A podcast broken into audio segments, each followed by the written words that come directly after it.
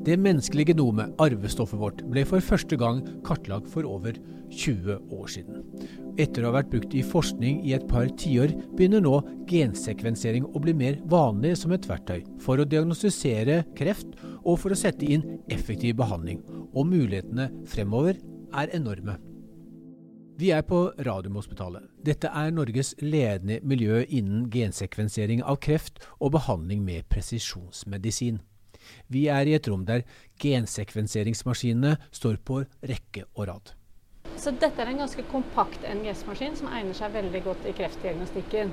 Og i de små eh, brønnene her, i denne platen i midten, der ligger det prøver fra eh, kreftpasienter. Der ligger det DNA og RNA fra kreftpasienter. Dette er Hege Rustnes. Hun er overlege og gruppeleder på Avdeling for patologi og Institutt for kreftforskning på Oslo universitetssykehus. Hun leder også INPRED, som står for Infrastruktur for presisjonsdiagnostikk innen kreft. Som har ansvaret for å bygge opp denne type molekylær testkapasitet for pasienter på sykehus i hele Norge. Mitt navn er Hans Andersen, og jeg er redaktør i Heltalk. Velkommen til den persontilpassede revolusjonen. Dette er episode én. Genene avslører kreftens hemmeligheter. Målet med gensekvensering er altså å få tilgang til organismens genetiske kode. Den genetiske koden og dens baserekkefølge er avgjørende for hvordan gener er oppbygd og uttrykkes.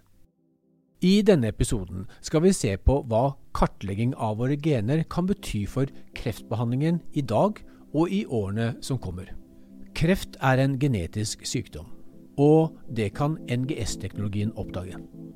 Kreftcellene kan lure immunforsvaret, slik at svulsten ikke blir oppdaget, men de kan ikke lure NGS-maskinen. Den persontilpassede revolusjonen er nå i ferd med å endre patologien, og er nå et viktig verktøy for diagnostisering og behandling av kreft. Det starter med en biopsi fra en pasient. Hege, hvis jeg er en kreftpasient, så har eh, legen min eh, gjort en biopsi, tatt en vevsprøve av kreften. Mm. Eh, og den holder du nå i hånda? Ja, dette er typisk sånn de kan se ut. Dette mm. er en litt større bit som man tar ut hvis man fjerner noe. Mm.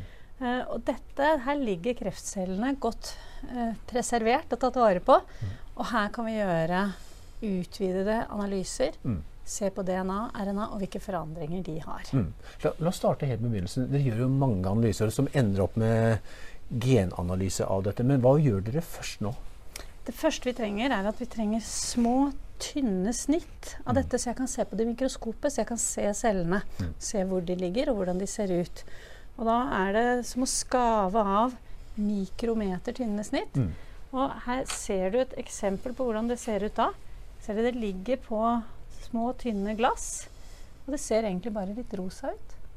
Eh, det er fordi vi gir de farger, og de fargene de gjør at vi kan kjenne igjen cellene, og vi kan se hvordan de ser ut. Mm. Hva forteller det bildet deg nå?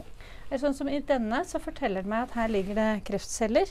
Og kreftcellene ligger eh, på feil sted. De vokser ukontrollert. Eh, de vokser jo ikke her, men de har, har hatt um, vekst inn i nabovevet. Mm. Uh, og nå er vi ute etter å finne ut noe mer om hvorfor de har denne, hatt denne oppførselen. Mm. Så legger du det i mikroskopet og, og, og gransker det grundig? Det gjør vi, og da kan vi si veldig mye tilbake mm. til både pasient og behandlende lege, som uh, gjør at de kan ta en god behandlingsbeslutning. Mm. Mm. Men nå holder du en, en prøve i, i, hånda som Det er jo fra den samme pasienten. Hva, hva har dere gjort her? Så her, Når vi har sett i eh, mikroskopet, så har vi satt en ring rundt hvor kreftcellene ligger. Uh, og, og, og da, det vi har gjort her, er å merke av hva er det vi vil undersøke nærmere. Mm. Og det er fordi at nå har jeg også da uh, muligheten til å gå tilbake til denne vevsbiten og så hente ut bare de områdene som vi vet kreftcellene er. For jeg, har ikke, jeg, er ikke interessert i å se på de normale cellene til pasienten. Nå vil jeg vite hva er det som er gått feil i cellene i kreftsvulsten. Og da vil jeg eh, eh legge, de, eh, eller legge denne her inn under et eh, annet type instrument, sånn at jeg får skrapt ut eh, cellene. Og så har vi de oppi små rør som vi kan kjøre væskestrømmer gjennom. Og da får vi felt ut DNA RNA og vil bli liggende i bunnen av et sånt rør. Mm. Og det er grunnlaget for å gjøre en enda grundigere analyse. Altså, da snakker vi om gensekvensering? Ja. Da har vi arvestoffet til pasienten, men vi har arvestoffet etter at det har blitt endret i kreftcellene. Mm. Og nå kan vi eh, preparere det igjen. Vi kan bruke både maskiner og vi kan gjøre det for hånd. Eh, sånn at vi er klare til å sekvensere. Og det er mange måter å gjøre det på. Og det skal vi se på nå. Nå skal vi ned og se på flere av de gensekvenseringsmaskinene dere har. Og også det helt siste, som er ypperst verdensklasse. Ja, det skal vi gjøre.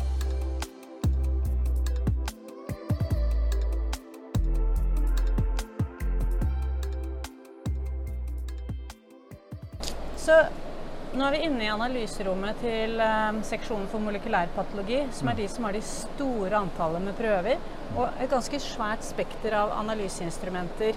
Mm. Uh, og her kan de analysere alt fra et lite område i et gen til hele arvestoffet til kreftpasientene. Mm. Men det de hovedsak gjør, er mindre pakker med gener, mm. som vi vet har betydning for hvordan klinikerne uh, skal gjøre behandlingen sin. Så dette er en ganske kompakt NGS-maskin som egner seg veldig godt i kreftdiagnostikken. Og i de små eh, brønnene her, i denne platen i midten, der ligger det prøver fra eh, kreftpasienter. Der ligger det DNA og RNA fra kreftpasienter.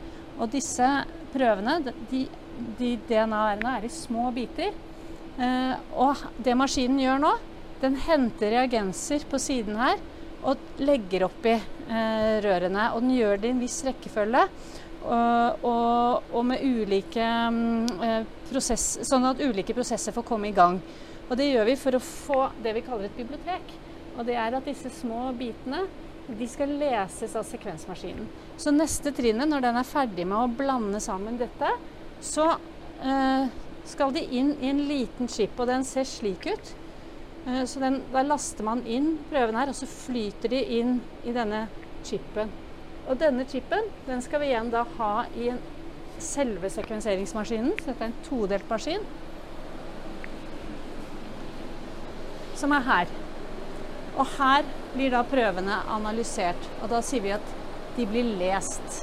Den teknologiske utviklingen går raskt og skjer i et samspill mellom utvikling innen genetikk, digitalisering og maskinlæring.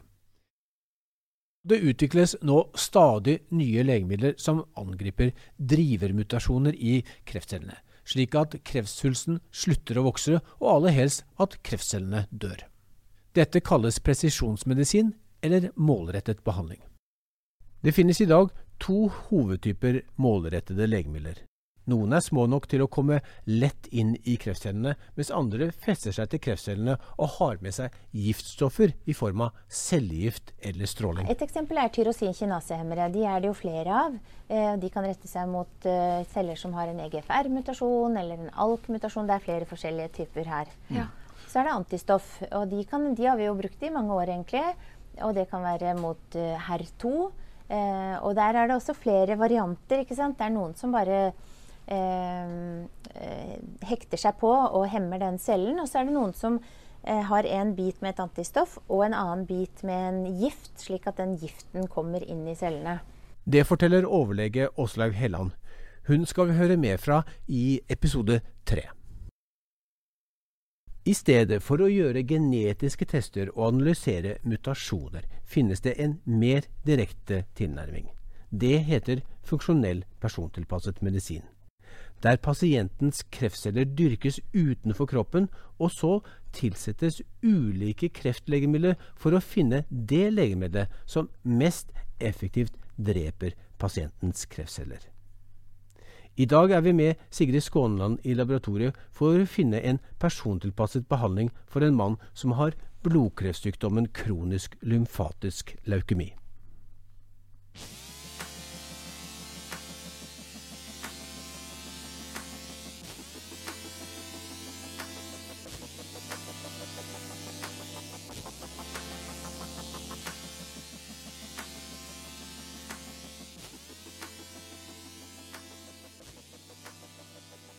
Nå står vi utenfor eh, et rom fylt med store nitrogentanker. Ja. Hva, hva, er det vi skal se her? Så Det er her vi oppbevarer de pasientprøvene vi får fra, fra legene vi samarbeider med. Så vi isolerer kreftcellene fra blodet, og så lagrer vi de her i nitrogentanken. Så her nede i, i disse nitrogentankene så ligger det rene kreftceller? Ja. Og det er, det er de du gjennomfører uh, dette skal vi si, eksperimentet på? Ja, mm. det er det vi bruker i laben. Mm. Mm. La oss gå inn og se. Ja.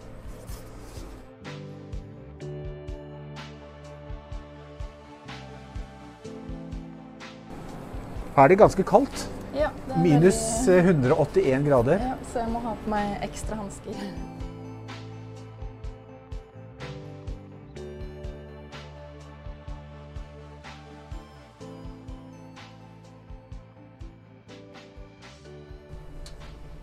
Så nå heller du rett og slett eh, eh kreftcellene, altså disse kronisk lymfatisk leukemicellene ja. over i eh, det plast, nye plastrøret? Ja, ja, for de flyter i cellemediet, mens de andre cellene vi har brukt oppi her, de sitter fast i mm. plastikken. Mm. Vet du hvor mange kreftceller som nå kommer over? Sånn, ja, så Det bruker vi et instrument for å telle, sånn ja. at vi vet hvor mange kreftceller vi har. Og hvor mange vi skal fordele på de ulike brønnene når vi tester de mot legemidler. Mm, det må vi få vite mer om. Ja. Det, det er, men det er antakeligvis tusenvis? Ja, det er flere millioner. Flere millioner? Ja. Mm. Mm. Nå skal vi utføre et forsøk for å finne en persontilpasset behandling til denne pasienten. Ved å bruke en robot tilsetter hun de levende kreftcellene til flere hundre legemidler. Da ser du at den uh, pipetterer i hver av brønnene. Mm. Så det kommer en liten mengde kreftceller ja. opp i hvert av disse brønnhullene med legemidler. Mm. Ja. Et likt antall celler, sånn at vi kan sammenligne effekten mellom legemidlene. Deretter undersøker hun om kreftcellene dør av behandlingen. Så, Så da setter jeg platen her i denne holderen, og så mm. tar jeg bort lokket igjen. Mm. Og så har jeg et program da som sier at den skal lese signalet i alle brønnene. Mm. Så da er det bare å trykke på start. Ja.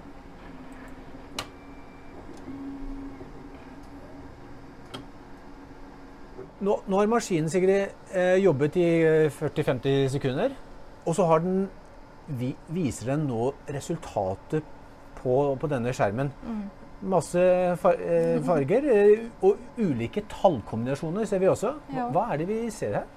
Ja, så Først og fremst så ser vi at vi har hatt legemidler bare i dette området her. Mm. Der hvor du ser at det er mer blått. Mm. I områdene rundt så har det bare vært tomme brønner. Eh, og da Tallene sier noe om hvor mye signal vi har i hver brønn. Så jo høyere signal, jo mer levende celler er det der. Og da har vi inkludert noen kontroller, noen eh, brønner hvor vi ikke har legemidler, hvor vi forventer at alle cellene lever. Mm. Og noen eh, brønner hvor vi har et eh, legemiddel som vi vet at dreper alle cellene. Mm. F.eks. her nede har vi en såkalt positiv kontroll som dreper alle ja. så, cellene. Så, så, der er det et veldig lavt tall. Eh, så, eh, så, så, der er alle cellene døde. Ja. I samråd med en kreftlege velges det legemiddelet som er mest effektivt i riktig dose, og som gir færrest bivirkninger. Da ser vi at det er noen, eh, noen områder som virker mer lovende enn eh, andre, og vi tester hvert legemiddel med fem ulike konsentrasjoner. Mm. Um, sånn at vi kan se ved hvilken dose de er effektive også. Det er f.eks. ikke interessant om et legemiddel bare dreper ved den høyeste dosen, som mm. kanskje ikke vi kan oppnå i pasienten. Mm. Så det er noe vi må se på. Så her står det 19.400, 24.150 og 35.040. Hva, hva sier ja. de tallene der? Ja, så Da må vi sammenligne med den brønn hvor vi har celler hvor alle cellene er levende. Mm. Så det, vi tar disse dataene uh, og kjører de gjennom et annet program som da oversetter dette til prosent antall levende celler ved mm. å sammenligne med de positive og negative kontrollene. Det, men det laveste tallet det viser at det er færrest kreftceller tilbake? Ja. Så, så, i utgangspunktet så vil det være et, eh, en hypotese at det, det vil være et interessant legemiddel å bruke? Ja, så vi blir veldig glad når vi ser områder hvor det er eh, døde celler. Nettopp. Og da tar du kontakt med klinikeren når du har gjort alle disse analysene, gått gjennom alle mulige kombinasjoner uh, i, i, alle ulike doser. Mm. Og så snakker du sammen med klinikeren og forteller han eller henne hvilke legemidler som, som du vil be han vurdere gi til pasienten. Ja, så siden dette er en pasient som har eh, allerede gjennomgått mange ulike behandlinger, så er det naturlig eller forventet at kreftcellene ikke responderer så godt mm. på behandlinger. Så de fleste legemidlene her vil nok ikke ha noen effekt. Men uh, der hvor vi ser en effekt, da vil jeg vise det på en forståelig måte til uh, uh, legen da, og diskutere med mm. legen. Men Det er interessant at du sier at dette er en pasient som vi, som vi, konkret ser her, som har hatt mange behandlinger. og da responderer nye legemidler ikke nødvendigvis så godt som de ville gjort hvis han, han, eller hun hadde fått det i en tidligere behandlingslinje? Ja, så vi har en studie hvor vi har fulgt en pasient over flere år og samlet pasientprøver gjennom flere år. Og da, da, ser vi at de prøvene som er tatt tidlig, de er mye mer sensitive mot flere legemidler enn de som er tatt sent i mm. behandlingsløpet. Så, så, det vi har gjort her i dag eh, på en pasient som har gått gjennom mange behandlinger ville det ikke da være en fordel å starte akkurat dette, denne legemiddelscreeningen, eh, den funksjonelle presisjonsmedisinen, i et mye tidligere pasientforløp? Ja, det er noe vi håper vi kan gjøre, eller noe vi ønsker å gjøre i fremtiden. At vi mm. kan utføre en klinisk studie hvor vi tester dette tidlig i behandlingsløpet for å finne den beste behandlingen. Podkastserien Den persontilpassede revisjon har vært spennende å lage, men den har også krevd mye arbeid. Bak serien står et team med videofotograf, producer, redigerer, digital markedsfører og undertegnede. Podkastserien hadde aldri sett dagens lys uten våre hovedsponsorer.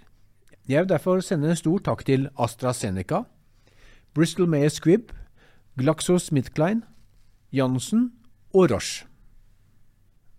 Besøk gjerne denne websiden vi har laget spesielt for denne serien. Webadressen er www.dptr.no. Her ligger det bakgrunnsinformasjon, og du kan ikke minst se alle videoene som er laget til hver episode. Hvis du synes denne episoden var interessant, så del den gjerne med din familie, venner og kolleger. Som alltid vil vi gjerne ha tilbakemeldinger fra dere, ris og ros og kommentarer. Det er det som inspirerer oss til å lage dette innholdet. Du må gjerne sende meg en mail til hans at heltalk.no. Det er altså hans at heltalk.no. Takk for at du lytter til den persontilpassede revolusjonen.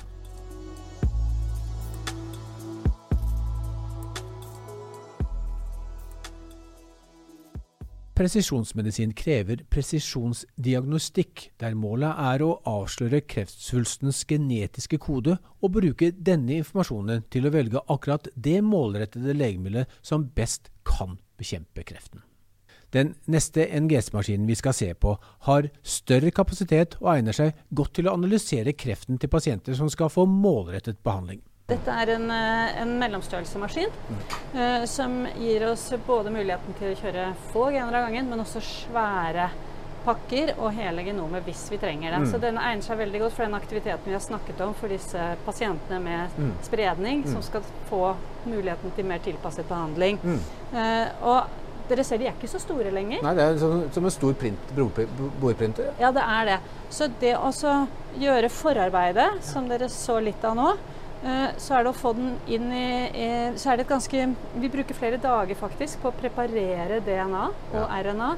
Få, få de i riktige biter, få de til å få på deler, sånn at denne maskinen klarer å lese de. Mm. Og når det er klart, så leser denne her den leser det på et døgn, så får den lest mange av våre prøver. Og da leser den millioner av små DNA- og RNA-biter samtidig. Men det betyr at vi har blandet sammen masse småbiter av DNA og RNA. Mm fra flere pasienter. Mm. Og fordi vi har sittet og limt på små biter i laben, kjemisk på dem, så må dataprogrammene sortere de ut etterpå. Og det, både det, sorteringen, det går automatisk, men vi må starte de datasløyfene. Og de må gjøres riktig. Eh, og så må vi etterpå, når vi har sortert de ut, så begynner vi å se på dataene og analysere det. Og da er vi igjen avhengig av bioinformatikk, avhengig av dataverktøy som gjør det sammen med bioinformatiker og molekylærbiologene som skal mene om det. Så, så, ut av denne maskinen så kommer det en digital fil? Ja. Som rett og slett har lest av gensekvensering, hvordan genene henger sammen her. Ja. Og, kan gi, eh, og, så, og, så, bruker man stordata til å tolke det, og så må mennesker inn også. Ja. ja. Så eh, den har her en storebror, en storesøster. Ja. Er det mulig å se den? Det kan vi finne ut av.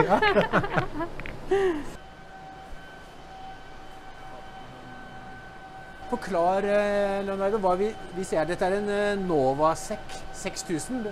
Hva, hva, er det? Ja, så Det er det største bror av en serie av forskjellige sekvensatorer. Som du ser her i rommet. Vi har fra det lille bror som brukes mye for små genpaneler. Vi har to av dem. Mellombror som du kan gjøre opp til en hel genom. Og den store bror kan sekvensere 48 helgenomer samtidig. Og det tar bare to, to dager. To dager. Ja. Leonardo Mesa Zapeda er biokjemiker og forsker i kreftgenomikk. Han leder det som heter Kjernefasilitet for mikromatrise og sekvenseringsteknologi på Oslo universitetssykehus. Han viser oss en av de kraftigste gensekvenseringsmaskinene som kan kjøpes for penger. Den kan sekvensere 48 helgenomer, altså fra 48 pasienter, samtidig, og det i løpet av bare to dager. Da genererer den 6 terabyte med data. Altså hele genomet til mennesket? Altså yes. 20 000 gener? 20 000 gener. Og ikke bare det gener, den del som koder for proteiner, men helgenom, så det er tre billioner baser. Og hvis jeg kan se det i gjennomsnitt 30 ganger hver eneste base til å bli sikker at det er en A, en T, en G ja. eller en C. Og det skjer på en små areal her, som har rundt 32 billioner små fragmenter som sekvenseres på samme tid. Den som du ser, så det genererer så stor mengde terabytes of data. Den ja. flow cell er rundt 6 terabytes. 6 terabyte? Ja. Så det er rundt 12-15 normalpesser av data per kjøring. Per kjøring. Og da, Hvor mange pasienter er det du kjører eh, hver gang? da? Og her vi kan sekvensere for en småpanel som den som er, vi har for Impret. Vi kan sekvensere mange hundre pasienter på en gang. Ja. Eller 24 genomer på den flow cell. Og normalt vi prøver å sekvensere den svulstgenom pluss den normale genom av den pasient, som vi kan bruke den normale genom til å filtrere bort hva er en vanlig variasjon, og hva er kreftspesifikt. Maskinen brukes til forskning og til å gensekvensere kreften til pasienter som deltar i den banebrytende studien Impress Norway. Her får pasienter med langtkommen, ikke-kurerbar kreft mulighet til å prøve ut godkjent presisjonsmedisin på nye indikasjoner basert på molekylære endringer i kreftsvulsten. Studien er åpen for alle norske kreftpasienter som ikke lenger har nytte av standardbehandling. Så dette er liksom eh, det ypperste av sekvensering som eh, finnes i verden i dag? Yes, det er det største type sekvenseringsinstrument som bruker på det, de fleste store senter ja, i verden. I hele verden. Ja, og spesielt du bare tenker at 15-20 år siden den helgenom kostet 3 billioner dollar. Og generere det ja. første referansegenom. Ikke sant. Altså, ja. The Human Genome Project yes. tok ti år. Tre billioner eh, dollar, ja. ja. Og i dag vil vi gjøre for litt under 1000 dollar. Om, ja, det tar to dager. Så det er helt magisk. Det er helt magisk. Men foreløpig er det svært få kreftpasienter med metastatisk kreft som får tilbud om en utvidet gensekvensering av kreften i Norge faktisk ikke flere enn ti pasienter per uke. Hege Rustnes ønsker å tilby alle pasienter som har metastatisk kreft, helgenomsekvenseringen. Hvordan kan det bli mulig, og hvilke utfordringer kan oppstå langs denne veien? Og hva vil det koste?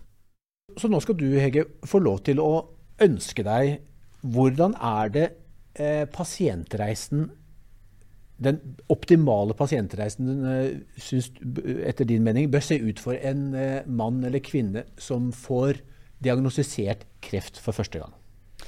Får du kreft for første gang, så er det aller viktigste å få en vevsprøve som du får diagnostisert, eh, og du får undersøkt med de behandlingsmulighetene som har godt evidens for hva som er riktig. Og da er vi i de nasjonale handlingsprogrammene.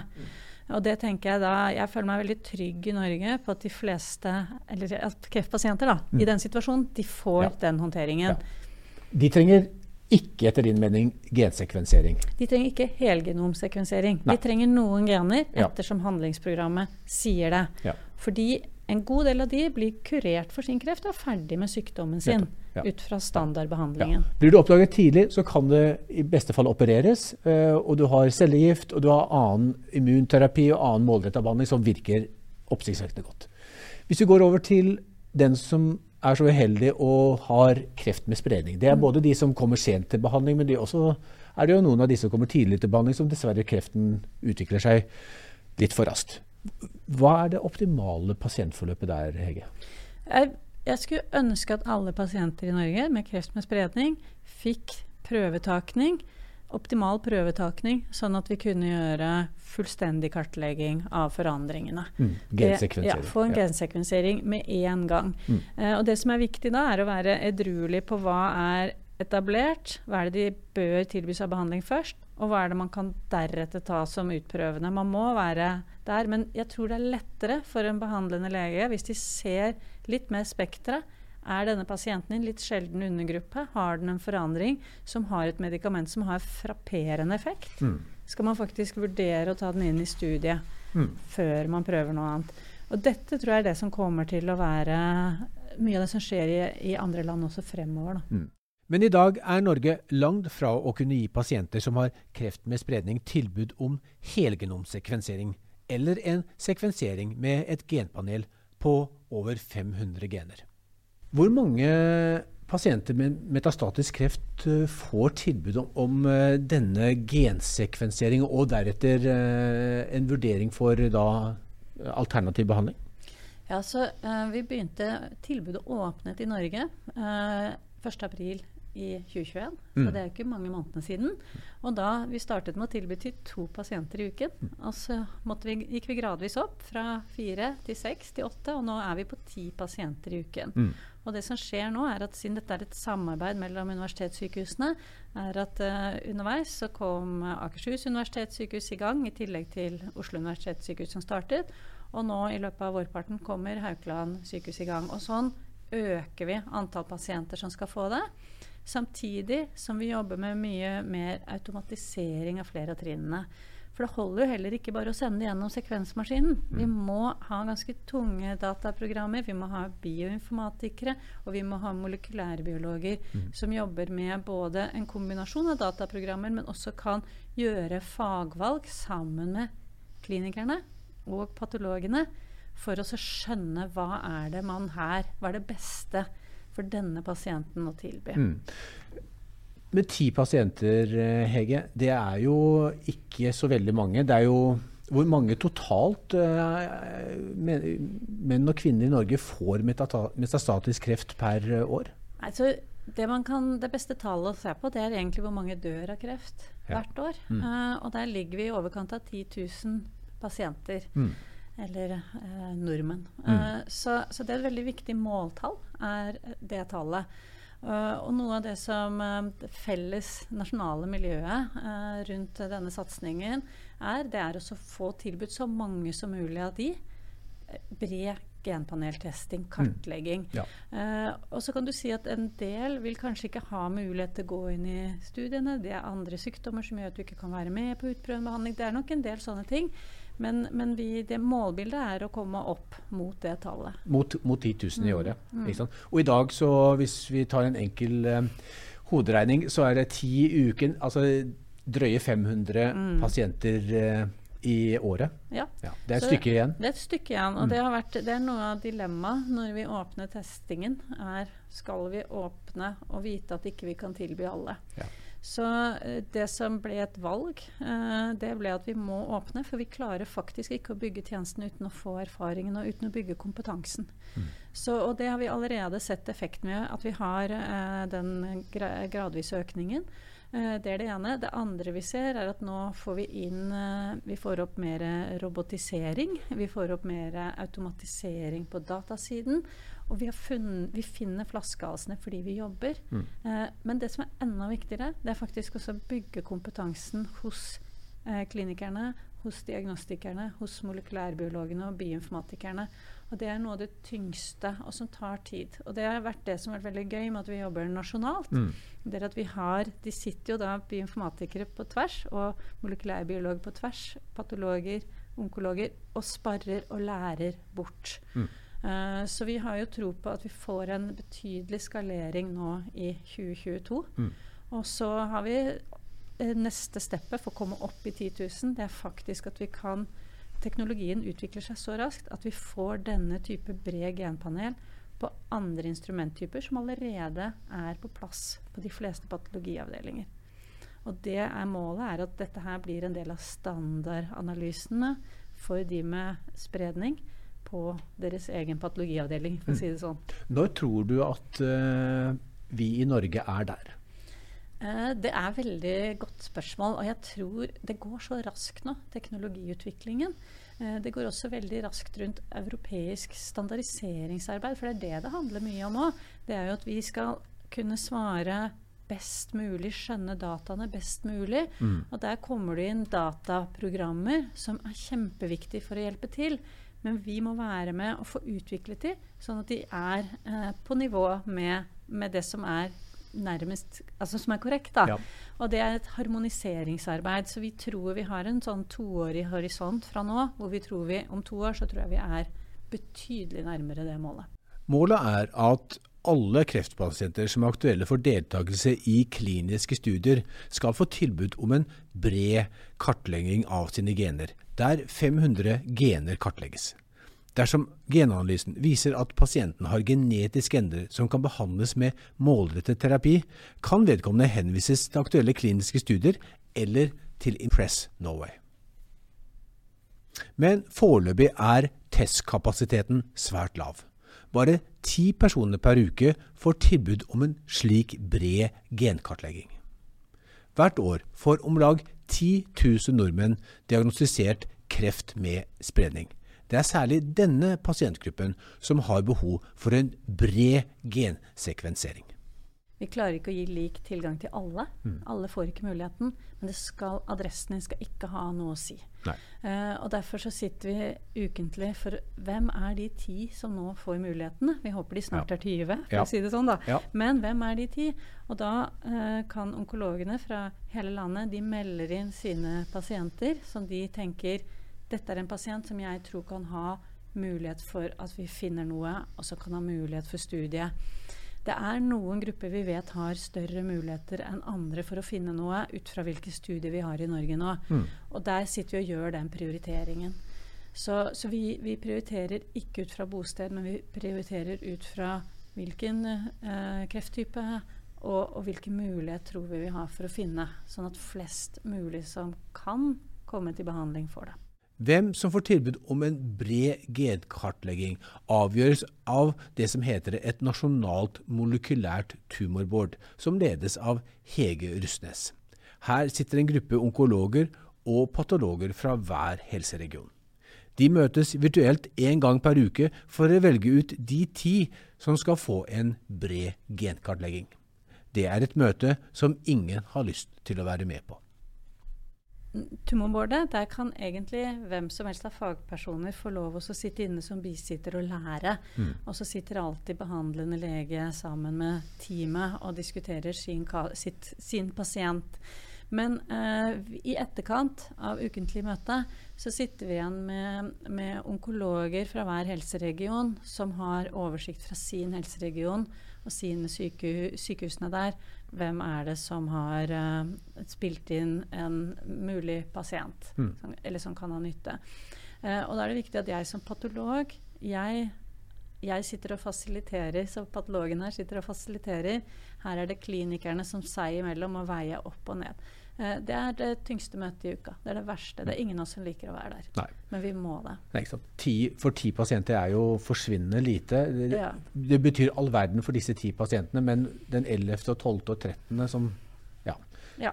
også kunne kanskje med hatt, uh, hatt, betydelig nytte av det, uh, får dessverre ikke komme inn mm. denne uken. Ja, og da er det viktig å si at bildet i dag er at de fleste får ikke nytte av behandlingen. Nei, det, de selv om de hadde det. fått Selv om de får testen. Nei, det er veldig viktig at ja. det å få en test betyr ikke at du får en behandling. Det er bare noen som kan få en behandling, og noen av de igjen mm. kan ha nytte av det. Mm.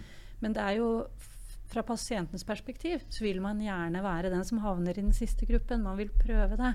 Så det er, det er klart, det.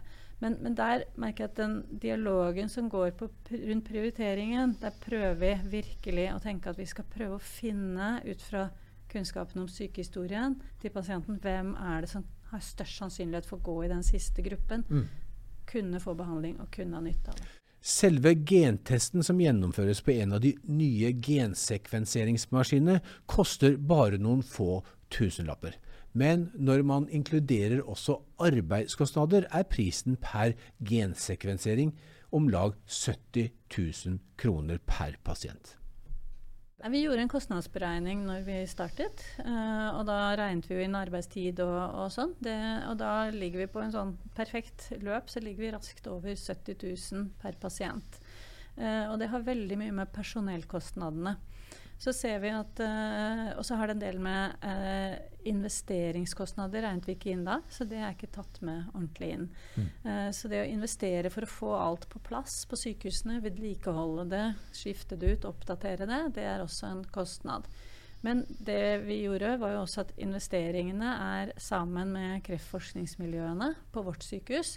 Så det vil si at vi bruker jo samme instrumentet som kreftforskerne bruker. Uh, og det gjør jo at vi deler jo utgifter, men vi deler også kunnskap og kompetanse. Så målet er jo da at vi får raskere neste generasjon genpanel eller mm. helgenomsekvensering skal inn mot diagnostikken når diagnostikken trenger det. Fordi medikamentporteføljen eller behandlingsmulighetene blir større. Mm. Så den prislappen Det andre ting med det er at den endrer seg. Og det som endrer seg på den, det er jo mer vi kan automatisere eller robotisere, og jo mer vi får av støtteverktøy på data- og tolkningssiden. Mm. Og det tredje som endrer seg, er at vi blir flinkere kompetansemessig vi ser det på det nasjonale tumorboardet. Så ser vi at vi bruker mye mindre tid nå per pasient. For da sitter vi en god del mennesker i arbeidstid og, og, og jobber. Eh, det er kostbart. Men vi bruker mye mindre tid per pasient, for vi begynner å bli trent. Vi begynner å kunne så mye eh, rundt eh, genforandringer og avgjørelser og muligheter. Ikke sant? Altså 70 000 per pasient. Hvis du skal multiplisere det opp med 10 000 eh, pasienter. Og så kommer selvfølgelig de som ikke eh, har spredning. Eh, hvis jeg gjør en enkel hoderegning, så får du et syvtall med en 1, 2, 3, 4, 5, 6, 7, 8 nuller bak. Det blir 700 millioner, gjør ja. ikke det? Ja. Så, og da er det to muligheter. Uh, eller Én ting er å bruke 700 millioner. Mm. Da skal du iallfall vite at dette er svært nyttig. Ja. Det er det første. Ja. Men det andre er kan du gjøre det på en billigere måte. Mm. Og der ser du det toårsperspektivet vi har, ved at vi flytter uh, teknologien til disse mindre altså lillebrødrene og søstrene ja. på eh, neste generasjons sekvenseringsinstrumenter. Ja, De mindre, de mindre instrumentene som ja. allerede står på de fleste patologiavdelingene. Rundt omkring i hele Rundt Norge. i Norge, ja. Som sekvenserer små ja, 15-50-100 gener, mm. som de gjør i hverdagsdiagnostikken sin for kreftpasientene. Hvis vi nå kan få dette 500 genpanelet, få det ned Eh, eller ut til disse sykehusene, vite at det er sikkert nok, trygt nok, eh, gir samme beslutningspresisjonen. Ja. Uh, de er betydelig rimeligere. Uh, både investering, testmessig og personellmessig. Så det vil være den ene måten. Ja. Den andre måten, det er jo litt sånn som man ser i, i Nederland. Der, til, der er, målet deres er å tilby alle pasientene med, med metastatisk kreft helgenomsekvensering én gang. Det vil mm. si at når du kommer i den situasjonen, så sekvenserer man alle genene i svulsten, og så ligger den der som et slags lite bibliotek, personlig bibliotek, som man da går inn i og, og sjekker når det er nye studiemuligheter. Mm. Eh, og det er pussig, men disse helgenomsekvenseringene er ikke dyrere enn vårt 50 genpanel akkurat nå. Men de er ikke egnet for disse biopsimaterialene vi har. Så vi klarer ikke å utføre det på eh, den type svulstmaterialer som vi har. Fordi vi har, uh, trenger å gjøre all mikroskoperingen og proteinbestemmelsen og de andre tingene for pasienten. Men du sier at uh, i Nederland så, så tilbyr de, da, de i dag allerede eh, full gensekvensering til mennesker, pasienter med, med spredning. Mm. Hvor, hvor, hvorfor klarer de det, og ikke Norge? Ja, så De får ikke gjort det til alle. så De har samme opplegget som oss, at de har et sånt stort panel. for de fleste, men de er på vei til å prøve å slå over. Og det du må gjøre da, er at du må ha nye vevsprøver av svulstene. Mm. Så du må sette i gang et nytt apparat rundt. Så de har også sin kostnad. Mm. Så, så, det er en omstilling man har.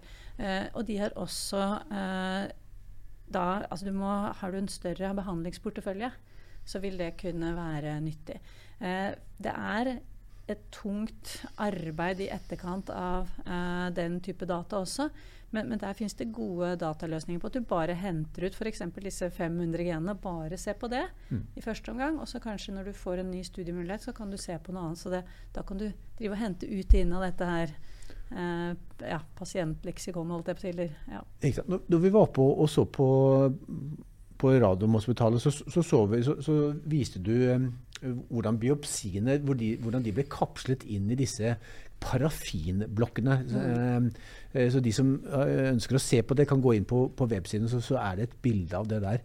Eh, så du, det du sier, at den type konservering av biopsiene, den er ikke bærekraft. Den kan vi ikke bruke i fremtiden dersom vi skal tilby en nederlagsmodell med, med full gensekvensering av, av tumor. Ja, så uh, grunnen til at vi gjør det, det er at vi skal stabilisere alle cellene. Mm. Sånn at vi får farget de og sett på de i mikroskop. Og at mm. vi kan se akkurat hvordan de vokser. Er de på vei, Vokser de inn i andre nabostrukturer? Vi skal skjønne hva som uh, Eller vi kjenner igjen trekk som gjør at vi kan si noe om prognose og undergruppasvulst mm. osv. Mm. Det er også den beste måten å få sett proteinene på. Og bare på vårt sykehus har vi mer enn 300 proteiner vi kan farge etter for å bestemme forskjellige trekk eh, for ulike krefttyper. Mm. Så for dagens diagnostikk så er vi helt avhengig av å ha cellene stabilisert på denne måten. Men det vi gjør da, er at vi ødelegger DNA og RNA litt. Ja. Så DNA og RNA liker ikke de kjemiske, eller de, de, de, prosessene ødelegger det. Som parafinen ja, ødelegger. Men det fins andre løsninger som gjør begge deler. Både gir oss god, god mulighet til å studere proteinene og se i mikroskopet. Mm. Eh, og det er nye fikseringsløsninger, kaller man det, istedenfor formalin, som vi bruker. Og da kan vi fortsatt støpe det inn i disse klossene, men vi får veldig godt DNA-RNA. Men dette er kostnadsspørsmål nå. Det er også for lite kunnskap om det akkurat nå. Og så er det også veldig dyrt hvis du skal bruke dyre, små reagenser på kanskje et hel, du skal ha store organer i. altså Vi bruker jo enormt mye mm. eh, løsninger til dette. Men alt er et kostnadsspørsmål. Uh, vi, vi, er jo vi, vi, Hvis du hadde helseministeren rett overfor bordet på deg nå, Hege. Ja. hva ville du sagt at, at, du hadde trengt av ressurser i Norge for å innføre denne nye teknologien? Jeg hadde trengt det tallet du sier. 700 millioner? Nei, ja, jeg hadde trengt en langtidsplan. Det, ja. er, det er, det vi trenger. Ja. Og det, det, er egentlig ikke en langtidsplan, det er en korttidsplan som er strukturert. Mm. Og der kan man se på Danmark og hva de har. Altså de har hatt omtrent en milliard da, for å få opp uh, genomsenter og tilhørende IT-løsninger og tungregning osv. Så, videre. mm. så jeg tror det å ha en tung satsing inn for å få dette på plass. Mm. Og, og, grunnen til at vi er ute etter dette, er at det er der vi lærer også for å bli bedre på hvordan vi gjør diagnostikken for pasienter som har kurativ sykdom, men også skal få tilpasset sin behandling bedre. Ja. For å få mindre bivirkninger, bl.a. Ja.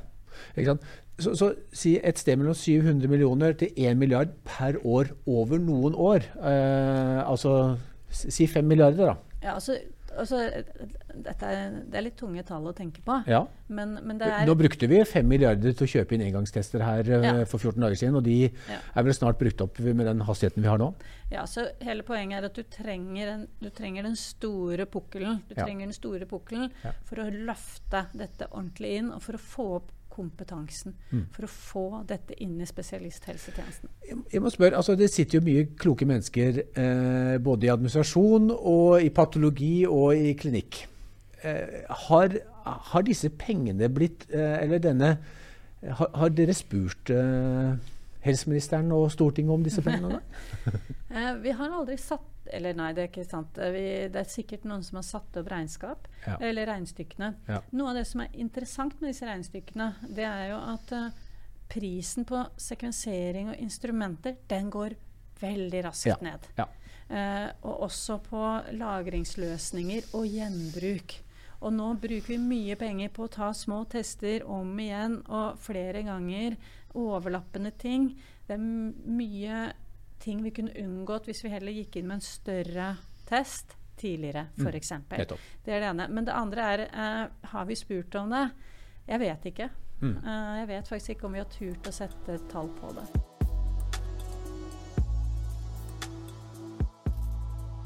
Men nå har dere funnet nøkkelen, uh, så nå er det tid til å skalere? Ja, det er det. Og det som er tungt, da, er at en av måtene å skalere på, det er jo at bl.a. vi får inn roboter.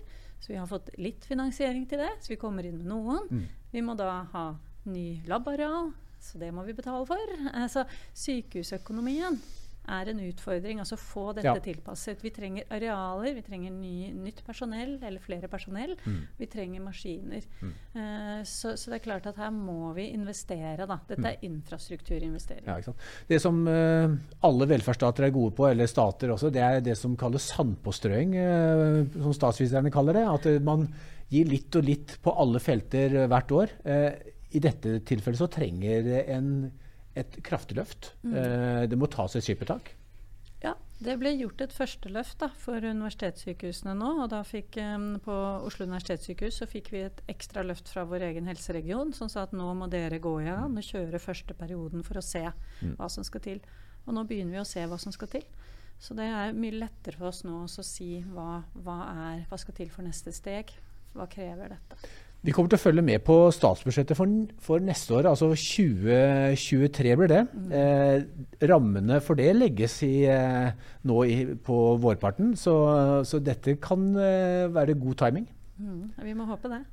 Hege Rustnes, det var utrolig spennende å ha deg eh, med. Eh, tusen takk for omvisningen på Radiumhospitalet, og tusen takk for at du kom i studio for å, å snakke med oss. Tusen takk for meg. Takk Veldig hyggelig. Mm.